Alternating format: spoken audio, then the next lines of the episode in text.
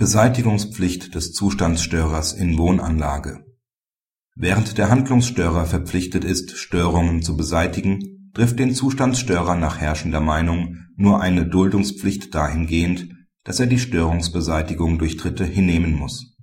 Nunmehr wird dies für den Sondereigentümer nach WEG bezweifelt und führt zu einer Vorlage an den BGH in einem jetzt dem OLG München vorliegenden Verfahren pflanzt der Rechtsvorgänger des Antragsgegners eine Hecke auf dem seiner Wohnung zugewiesenen Sondernutzungsrecht auf dem Grundstück. Die Wohnungseigentümer wünschen deren Rückschnitt. Dies lehnt der Erwerber ab, weil er die Hecke nicht gepflanzt habe und ein Beschluss aus den Vorjahren allenfalls seinen Rechtsvorgänger verpflichte. Der Senat weist zunächst darauf hin, dass der Antragsgegner mangels eigener Pflanztätigkeit nicht Handlungsstörer ist Vielmehr handelt es sich bei ihm um einen Zustandsstörer. Als solcher ist er nach herrschender Meinung nur zur Duldung der Störungsbeseitigung durch die Gemeinschaft verpflichtet. Eigene Handlungen zur Erreichung dieses Zwecks muss er nach überwiegender Auffassung hingegen nicht vornehmen.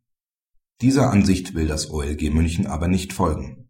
Nach seiner Auffassung ist auch der Zustandsstörer zur Beseitigung verpflichtet weil in der obergerichtlichen Rechtsprechung bisher anders entschieden worden ist, legt der Senat die Sache nach § 28 Absatz 2 Satz 1 FGG dem BGH zur Entscheidung vor.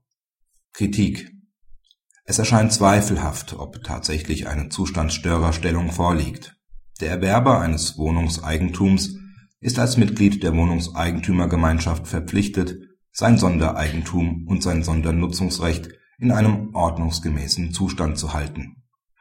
Diese Verpflichtung besteht nach § 14 Nr. 1 WEG auch für einen neuen Wohnungseigentümer hinsichtlich der von ihm übernommenen Gegenstände. Im Hinblick darauf stellt sich die Frage, ob der Erwerber nicht Handlungsstörer ist. Denn auch ein Unterlassen kann in dieser Weise qualifiziert werden, wenn eine Handlungspflicht besteht. Da der Erwerber das Sondereigentum in einem ordnungsgemäßen Zustand halten muss verletzt er eigene Pflichten, wenn er dies unterlässt. Der Antragsgegner hätte die Hecke im Rahmen der Pflege nicht ohne Beeinträchtigung anderer Wohnungseigentümer wachsen lassen dürfen. Insoweit traf ihn eine Handlungspflicht, die dazu führt, dass er aufgrund deren Verletzung als Handlungsstörer anzusehen ist.